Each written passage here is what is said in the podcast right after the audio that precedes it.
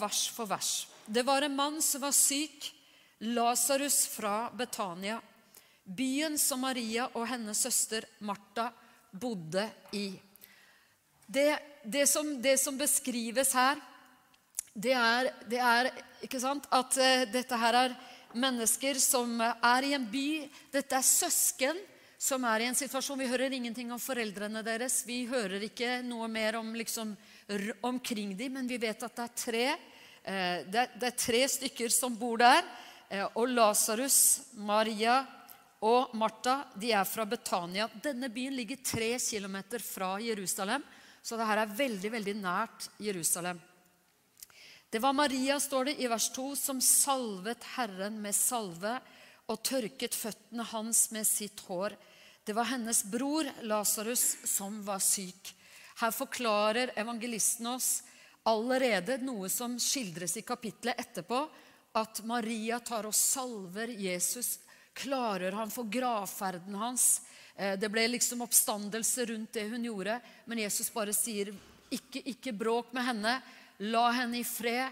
Hun har salvet meg til min gravferd. Ikke sant? Hun gjorde noe som var bare helt, helt som hun skulle bli kjent for. Overalt hvor evangeliet ble forkynt, skulle det hun gjorde, løftes opp, sa Jesus. Derfor så var dette allerede så kjent for alle at det står allerede her at evangelisten vil forklare det er denne Maria, det er broren til denne Maria som gjorde dette med Jesus. Ikke sant? Så hun var allerede viden kjent for at hun hadde gjort det. Søstrene sendte nå bud til ham og sa, 'Herre, se, han som du elsker, er syk.' Jesus var venn med de søsknene her. Og og de sendte bud på ham i en nødsituasjon. Selv, selv, selv, så visste de det at om Jesus ville komme nær inn i Judea, hvis han ville komme nær Jerusalem, så hadde han veldig mange fiender der. Men de kaller på han allikevel. Den nødsituasjonen som de er i, det, det gjør bare at de ber han å komme uansett. De, de, vet at det, kan, det, det, er, det er, kan, være veldig farlig for han og disiplene å komme dit, men de, de er i nød, og de kaller på han. Vi vet ikke hva slags sykdom Lasarus fikk, men vi forstår at det her må ha vært virkelig alvorlig for at de kalte på han, og at de ville at han skulle komme til dem. Da Jesus hørte det, i vers 4 står det, sa han, denne sykdommen er ikke til døden, men til Guds ære, for at Guds sønn skal bli æret ved den. De tegnene som Faderen gjorde gjennom Jesus, det var til Guds ære. Det var også for å åpenbare hvem Sønnen var. Det var for å vise Guds herlighet gjennom Sønnen. At mennesker skulle komme til tro på Jesus. Gud åpenbarte tegn gjennom ham for at det skulle være lett for mennesker å forstå. Det her er Messias. Det her er han dere har ventet på. Han har kommet. Han er her. Immanuel, Gud med oss. Og Jesus han taler med en gang ut hva som skal skje med Lasarus. Han sier med en eneste gang Han har fått åpenbaring av Faderen allerede hva som skal skje med Lasarus. Det er ikke død, døden som er det siste som skal skje med Lasarus. Guds herlighet skal åpenbares på ham. Så står det i vers 5 Jesus elsket Martha og hennes søster og Lasarus. Disse tre her sto veldig nær Jesus. Og evangelisten forklarer at Jesus elsket Martha og hennes søster og Lasarus. Kan du huske en annen historie med Martha og Maria? Hvor Jesus kommer inn i huset deres, og Martha styrer rundt og i, skal ordne alt mulig. Maria setter seg ned ved føttene til Jesus og tar imot det han sier. Og Jesus sier at det Maria har valgt, skal ikke tas fra henne. Hun skal sitte akkurat der og ta imot fra ham. Det var, det her var veldig spesielle mennesker for Jesus. Og evangelisten forklarer det, at, at Jesus elsket, elsket dem. Da han nå hørte at han var syk, ble han likevel enda to dager på det stedet der han var. Det var også, Betania var en dagsreise unna der Jesus var. Og da Jesus kommer frem, så har jo Lasarus vært i graven i fire dager. Det, vil, det, vi kan tenke her, er at de som har reist for å sende bud på Jesus, de har brukt en dag på å komme dit, så Lasarus er død, men de vet ikke det. ikke sant? Eh, og han drøyer to dager, og så den siste dagen så går han, og han kommer tilbake. Han kommer dit den fjerde dagen. Det som var, det var jo at eh, han venter på Faderen. Vi ser Jesus gjør ingenting ut ifra bare menneskelige behov. Han lar seg ikke styre. Jeg kan tenke meg Hvis det var han selv som skulle bare liksom reagert rent i det menneskelige, så ville han gjort det alle forventet, at han ville gått med en eneste gang. Men han venter fordi Faderen har tenkt å gjøre noe helt ekstraordinært. Vet du, Jesus hadde reist mennesker fra døden før. Enkens eh, sønn, enken fra Nain, ikke sant? hennes sønn, de var på vei i, for å begrave ham. Så ble det oppstandelse. Eh, vi vet at Jairus sin datter reiste Jesus opp fra døden. Kanskje vet du, hadde det vært litt sånn snakk om at, eh, at ja, ja, vi vet jo ikke var han virkelig død, denne sønnen. Var det virkelig sånn at Jairus datter virkelig var død? Kanskje liksom det var litt overdrevet, det der. ikke sant? Nå kommer vi til å få se ting. Nå, nå er det ting som er planlagt av Faderen, som Jesus bare må vente. ikke sant? Så han venter i to dager for Jesus gjør ingenting som ikke Faderen viser ham. Han er ett med Faderen. Han og Faderen er helt i harmoni.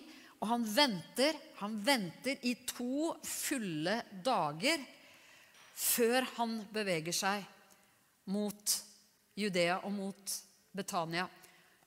Vers 7 sier da først sier han til disiplene, la oss dra tilbake til Judea. Han sier ikke Betania, men han sier Judea. Han nevner det for disiplene. Han, eh, han, vet at de også vet hvor mange det er som hater han og disiplene hans der. Han vet at de også skjønner hva, hva det vil si å dra tilbake til Judea. Og disiplene sier da også til ham, 'Rabbi, nylig prøvde judeerne å steine deg, og du drar dit igjen.' Disiplene de protesterer ikke sant? fordi at de visste godt om forsøkene på å steine ham og arrestere ham, sette han i fengsel. Og hvis de da drar tilbake til Judea, tror de kanskje de tenkte litt på seg selv også? Jesus, ikke dra dit, ikke gjør det. For de visste også at det, de, de hang jo helt sammen med han. Det som skjedde med han, det kunne skje med disiplene også. ikke sant? Så det er ikke sikkert de bare tenkte på Jesus, selv om det var det de sa. Men det kan godt hende de tenkte mye på seg selv. At eh, hva skjer med oss? Hei, la oss ikke, la, ikke, ikke dra dit, Jesus. Og Jesus svarer dem. Er det ikke tolv timer i en dag? Den som vandrer om dagen, snubler ikke, for han ser denne verdens lys. Det var en tid av dag for å arbeide for Jesus, og ingen kunne røre Jesus før tiden var inne for hans død og hans korsfestelse. Jesus visste nøyaktig hva som ventet han, og han visste akkurat når tiden var inne. Og han holdt seg ikke tilbake fra de lidelsene som ventet han. Han forsøkte ikke å unngå det. Og nå er tiden inne for at han skal gå tilbake til Judea. Og han sier, 'Den som vandrer, men den som vandrer om natten', vers 10, han snubler fordi lyset ikke er i ham. Det var ennå dag for Jesus, og han må fullføre sin gjerning. Og vet du, vi, vi, vet at Jesus underviser om det her med lyset i oss. ikke sant? Og hva er lyset i oss? Guds ord er en lykt for vår fot og et lys på vår sti. Når vi tar imot Guds ord i vårt indre, så får vi, et, vi får styrke på innsiden til å navigere ikke sant? Eh, etter, etter riktig kompass. Vi forstår hva vi skal gjøre i ulike valg vi står i. Moralske valg, etiske valg, ting som har ved vårt indre liv å gjøre. Utviklingen av vår karakter. Det er Guds ord som gir oss lys på innsiden, sånn som lyset han snakker om i dagen, gir oss lys på utsiden, så vi ser hvor vi skal gå. Så sier han at vi må ha Guds lys på innsiden for å forstå hvordan vi skal navigere i de indre spørsmålene. Ikke sant? Så, så eh, Jesus han, han, han, er vendt nå mot Jerusalem. Han skal gå mot Jerusalem, og han er ikke redd. Lyset er i ham. Han kommer ikke til å snuble. Han kommer til å gå rett på og fullføre den gjerningen han er kalt til å gjøre. Vers 11 sier dette talte han, og deretter sier han til dem.: Vår venn Lasarus er sovnet inn, men jeg går for å vekke ham. Jeg mener, For en uttalelse, ikke sant? Han sier 'vår venn'. Det her er vakkert, ikke sant? Vår venn. Nå er Lasarus allerede i, i, døden. Han er allerede begravet. Og Jesus vet det. Og hvordan, hvordan kan han vite det? Det er jo ingen som har sagt det til ham. Men Faderen har fortalt ham hva som har skjedd. Han har, han har overnaturlig innsikt. Vår venn Lasarus er sovnet inn, men jeg går for å vekke ham. Jesus vet hva han skal gjøre. Han skal gå, og han skal vekke Lasarus.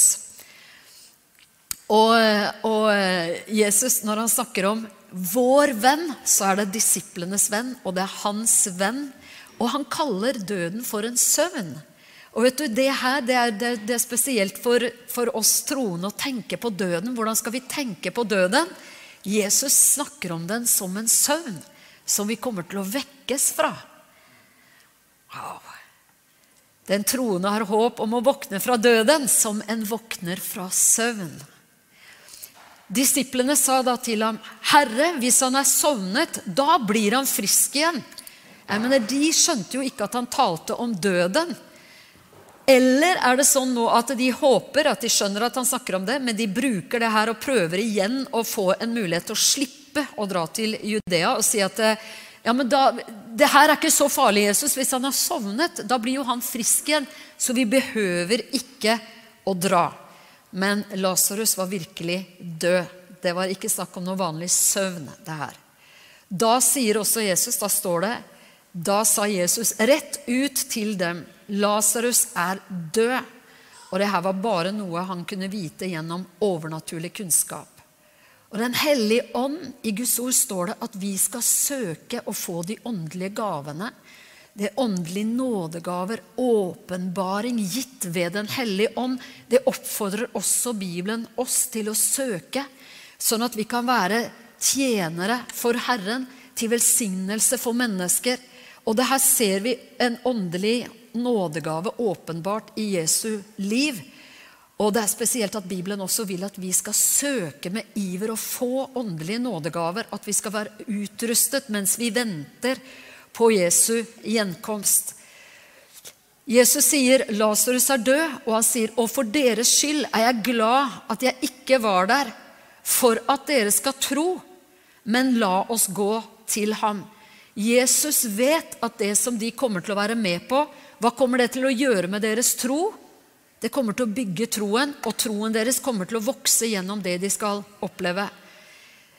De skulle gå rett til ham, og, og Jesus taler klart og tydelig rett på at, eh, at de skal gå direkte til Lasarus.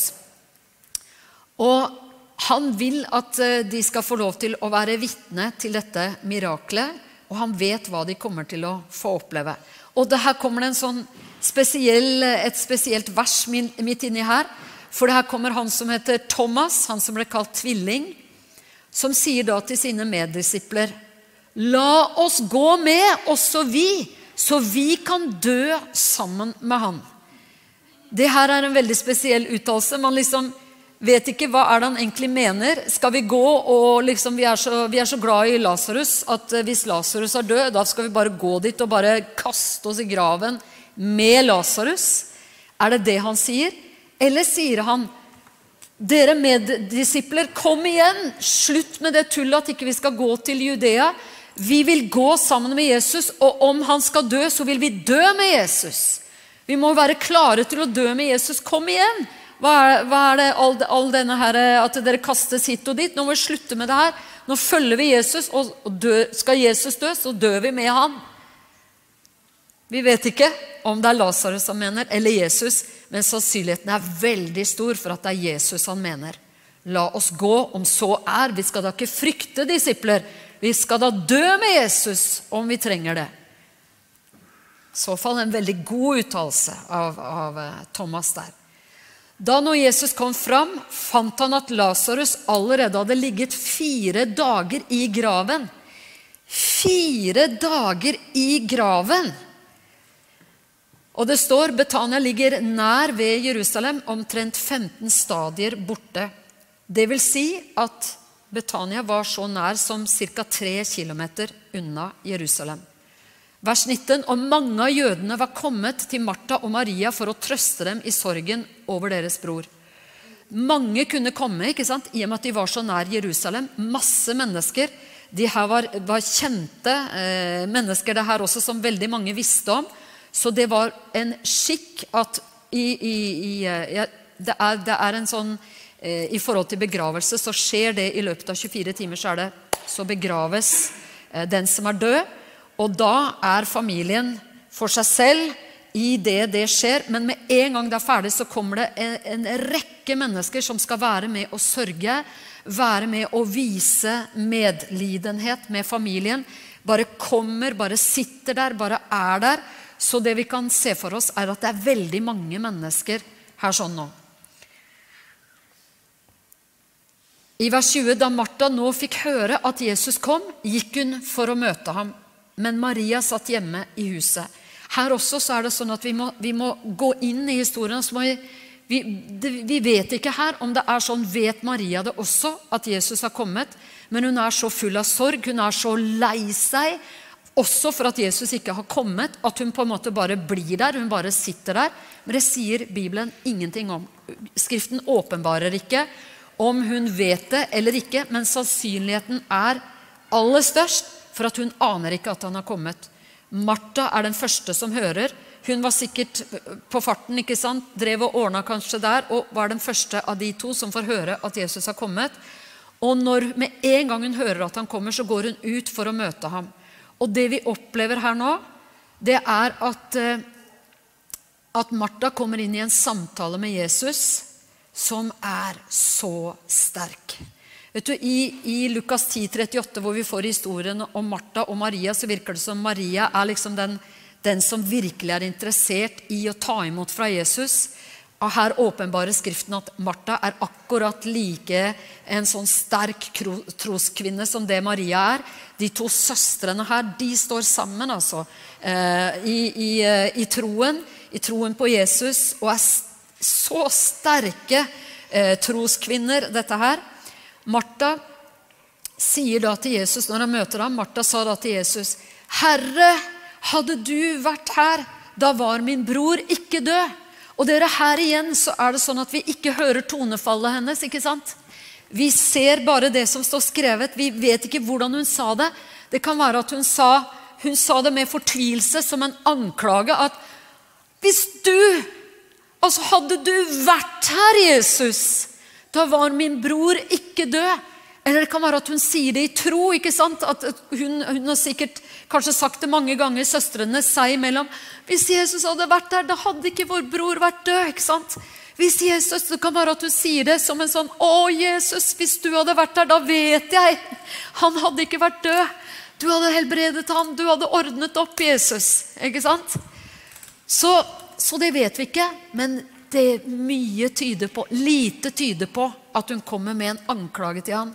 Vi, vi, tror at hun kommer ut ifra det hun sier etterpå, så tror vi at hun kommer med en sånn Å, Jesus, hvis du hadde vært her, da hadde min bror ikke vært død.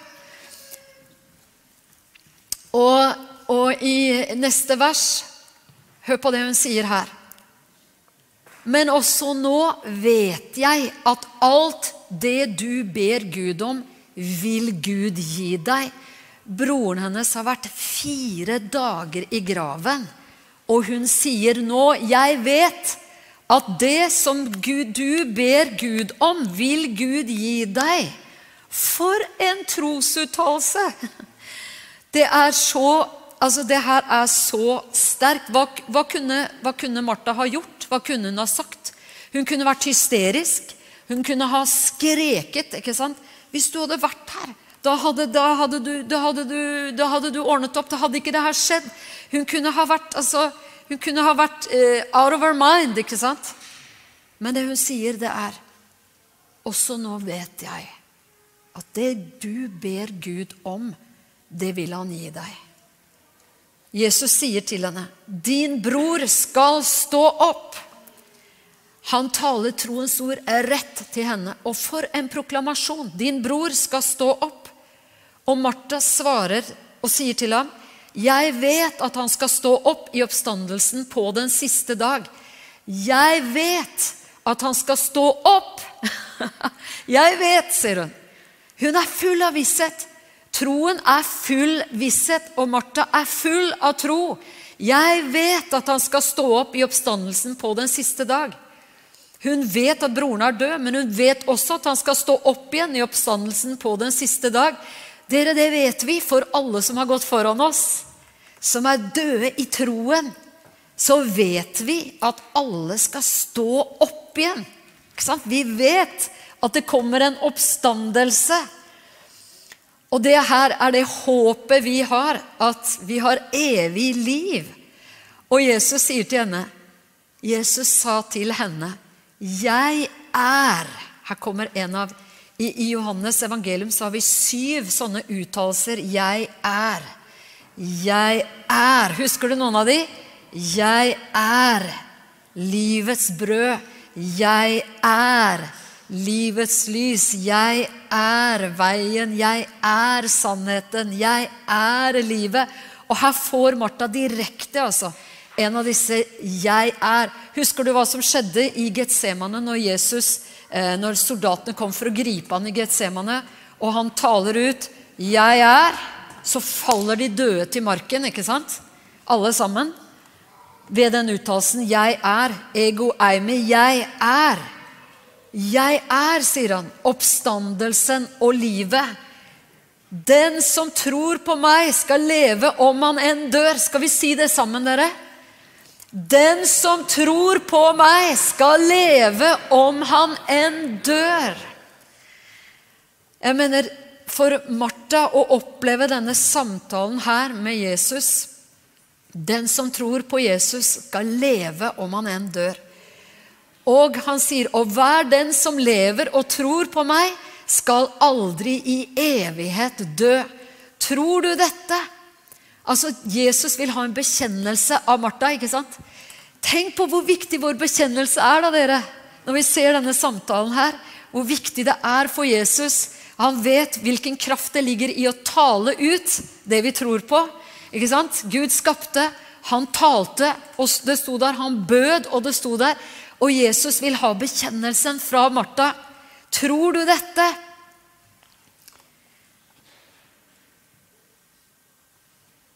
Hun sier til ham Hun sier til ham, 'Ja, Herre, jeg tror at du er Messias, Guds sønn, han som skal komme til verden.' Her taler hun ut sin tro på at han er Messias, han er Guds sønn. Det er det som kreves for å, for å bekjenne vår tro. Vi tror at han er Guds sønn. Han er den som skulle komme til verden. Ja, og hun kaller ham herre. Han er deres venn, men han er deres herre. Hun vet veldig godt hvem Jesus er. Hun ser ikke bare på ham sånn som han er der for hennes øyne, men hun vet hvem han er i Gud. Hun vet hvem han er i Guds herlighet. Han er Guds sønn. Han er den de venter på. Han er den som skal komme. Da hun hadde sagt dette, gikk hun ut og kalte i stillhet på sin søster Maria og sa, 'Mesteren er her og kaller på deg.' Hun forsøker å kalle på henne i stillhet for at hun også skal få et personlig møte med Jesus og slippe at alle de andre er rundt dem mens det her skjer. Og Det er veldig sannsynlig at det er først nå Maria får beskjed om at han er der. fordi hva gjør hun? Hun reiser seg med en gang og går av sted for å møte ham. Så det er veldig mye tyder på at det er først nå hun vet at han er der. Og, og det er spesielt også bare sånn en, en kommentar som studiebibelen gir. Det er at Maria sier 'Mesteren er her og kaller på deg', og bruker ordet 'rabbi'. ikke sant? Og ingen av rabbiene ville undervise kvinner. Så det var ingen av rabbiene som hadde kvinner som, som, de var interessert i skulle sitte og lytte til seg. Så det er her vi skjønner at Jesus han er jo helt annerledes. ikke sant? Så hun kaller ham for rabbi. En sånn herlig kommentar som studiebibelen eh, gir når, til, til, det verset her. Og Herre, vi bare takker og priser og lover deg for hvem du er. Guds ord slår fast ikke sant, at gjennom Jesus er det ikke lenger slave og fri. Det er ikke lenger greker og jøder. Det er ikke lenger mann og kvinne, men vi er alle ett i Jesus Kristus. Fantastisk. Takk, Herre, for at gjennom Jesus er fiendskapet mellom mennesker brutt ned. Korsets kraft over Europa, det må vi be om. Korsets kraft over landene våre. Korsets kraft over våre nasjonsledere. Korsets kraft som kan forene mennesker. Herre, vi takker og priser deg for korsets kraft. Jesus var ennå ikke kommet inn i landsbyen, men var på det stedet hvor Martha hadde møtt ham. Og det kan være at Jesus holder seg der for at han har nå sendt bud på Maria. ikke sant? Han har hatt en samtale med Martha, men nå sender han bud på Maria også. Og bare vil ha henne også ut til seg, så at han også kan ha det personlige møtet med Maria. Veldig mye tyder på at han bare blir der og venter, for han vet akkurat hva han kommer til å møte når han kommer inn i denne folkemengden av mennesker som er der for å sørge sammen med dem. Da nå de jødene som var hjemme hos Maria for å trøste henne, så at hun brått reiste seg og gikk ut, fulgte de etter. De tenkte at hun ville gå til graven for å gråte der. Så de følger med henne og de, de, henger seg på henne, så det blir ikke noe personlig, eh, personlig møte. det her. Og det uttrykket her, det er ulike typer av ord for å gråte. Og det uttrykket som er brukt her, det er liksom høy gråt, nød, klage. Altså skikkelig sånn klageskrik som står om den, det, det, den, den måten de sørger på, og de gråter på. Og Eh, de følger da etter henne. Og, eh, og det, det, ordet som, som, brukes når Jesus gråter, er et helt annet ord. Det er mer å, en stille gråt av å felle tårer. Men når Maria kommer dit hvor Jesus var, og hun får se ham, så faller hun ned for hans føtter og sier til ham, 'Herre, hadde du vært her, da var min bror ikke død.' Maria sier akkurat det samme som Martha. ikke sant? De har sikkert sagt det til hverandre hele tiden. 'Hadde bare Jesus vært her, så var ikke broren vår død.' 'Hadde bare Jesus vært her.' Og det er det de begge to sier til ham. 'Hadde du vært her, Jesus, da var vår bror ikke død.' Og, og det at hun kaster seg ned foran føttene hans, det står det ikke at Martha gjorde, men det gjør Maria. Hun er en sånn skikkelig full av person. ikke sant? Kaster seg ned for føttene hans. Hun satte seg ved føttene hans, hun kaster seg ned for føttene hans. Og, og, og Maria hun, hun, tenker ikke på de jødene som er rundt henne.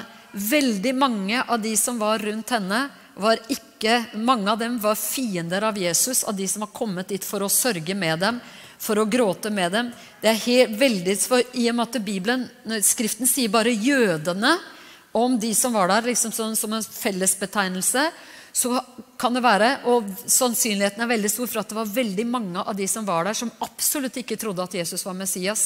Som, absolutt, som var veldig delt og splittet i synet sitt på Jesus. Men hun er bare, hun tenker ikke noe på hva tenker andre om det jeg gjør. Hun bare kaster seg ned for Jesus. For et godt forbilde, dere! Og ikke være liksom Nei, jeg, legger bremser på min lovprisning til Jesus, for hva skulle folk tro hvis jeg sa litt høyt halleluja? Eller hvis jeg gråter når jeg tilber, eller hvis jeg kaster meg på kne, eller hvis jeg legger meg på mitt ansikt. Hva skal folk si og tenke? Og Det er godt å se et sånt eksempel. Og de er jo i en utrolig spesiell situasjon. Og Da nå Jesus så henne gråte, og så de jødene gråte som var kommet sammen med henne, ble han opprørt i sin ånd og rystet. Og Her står det at 'he was groaning in his spirit', står det i en oversettelse. Og det vet vi at Romerne 8,26 taler om 'groanings in the spirit' som bønn. ikke sant? Eh, om, om, eh, om ord som ikke kan av sukk som ikke kan rommes i ord, står det om at Den hellige ånd gir oss og hjelper oss i bønn. Så det her er en, eh, det her kan også være et uttrykk for at Jesus ber, men han er opprørt i sin ånd og rystet. Og han, eh, han sier, 'Hvor har dere lagt ham?' De sier til ham, 'Herre, kom og se'. Og, og her er det også sånn at, eh, at eh, en, en, kommentar her gir en sånn, sånn spesiell kommentar at Jesus visste at Lasarus var død, men han spør hvor graven er. Sånn at han, han, han, trenger å ledes til graven. ikke sant? Han vil at de skal vise ham. Enten så sier han det fordi han ikke vet hvor graven er, eller så sier han det fordi han vil at de skal lede ham til graven. Jesus gråt, står det i, i vers 35. Og, og, og dette ordet som brukes her, det er om å felle tårer. Jesus gråter. Vi vet at Jesus gråt over Jerusalem. Og her gråter Jesus. Jesus var fullt ut menneske. Han var fullt ut Gud. I det menneskelige her så vet vi at, at, Guds ord sier til oss at vi skal gråte med de som gråter, og vi skal glede oss med de som gleder seg. Så i det her så er det en sånn at Jesus han er virkelig med som menneske. Samtidig så kommer han til å operere som fullt ut Gud og reise Lasarus opp fra de døde. Jødene sa da, 'Se hvor han elsket ham'. Dette sa noen, ikke sant? De så det som et tegn på at han elsket Lasarus, at han var medlidende med søstrene, at han gikk inn i situasjonen, at han, at, han, at han, sto sammen med dem. Men noen andre av dem sa, 'Kunne ikke han som har åpnet den blindes øyne, også ha gjort det slik at denne mannen ikke var død?' Så vi forstår at denne flokken som er rundt han, er veldig delt. Noen er helt med han og, og, og, og ser han med godhet og med, med, med, kjærlighet. Og andre forakter han og ser på han med, med liksom skikkelig forakt. Og bare sånn Ja vel, kunne ikke han bare ha ordnet opp her? Han som sier at han er, han, han som påstår at han er så stor. Og, ikke sant? Så, så det var en veldig splittet eh, atmosfære rundt Jesus her. sånn. Jesus ble da igjen opprørt i sitt indre han kom til graven, og det var en hule, og en stein lå foran den.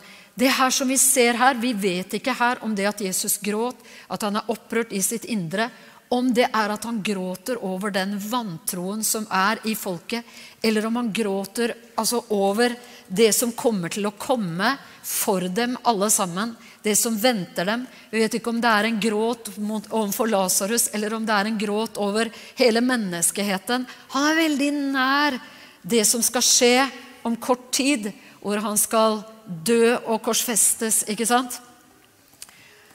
Så sier Jesus i vers 39.: Ta steinen bort.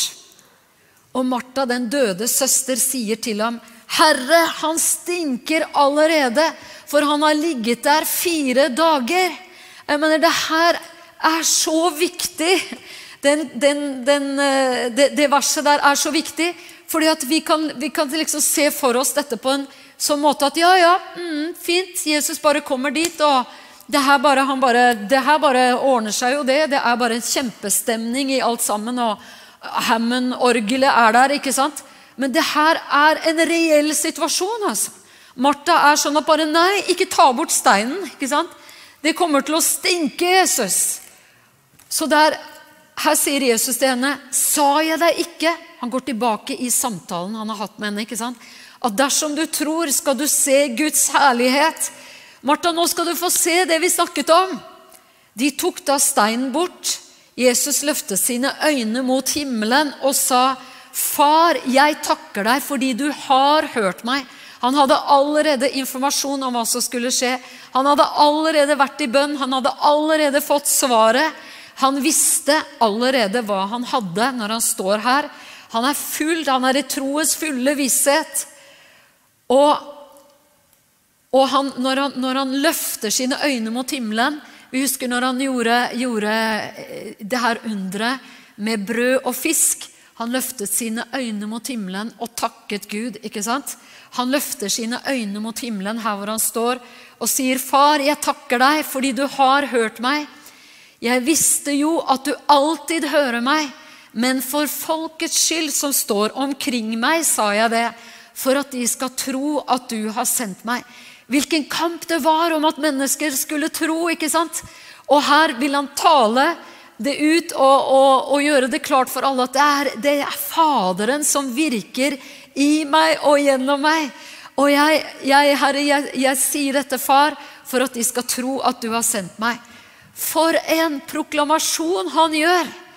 Han visste at han alltid ble hørt av Faderen. Og den takkebønnen som han nå ber, den er bare for folket som står omkring.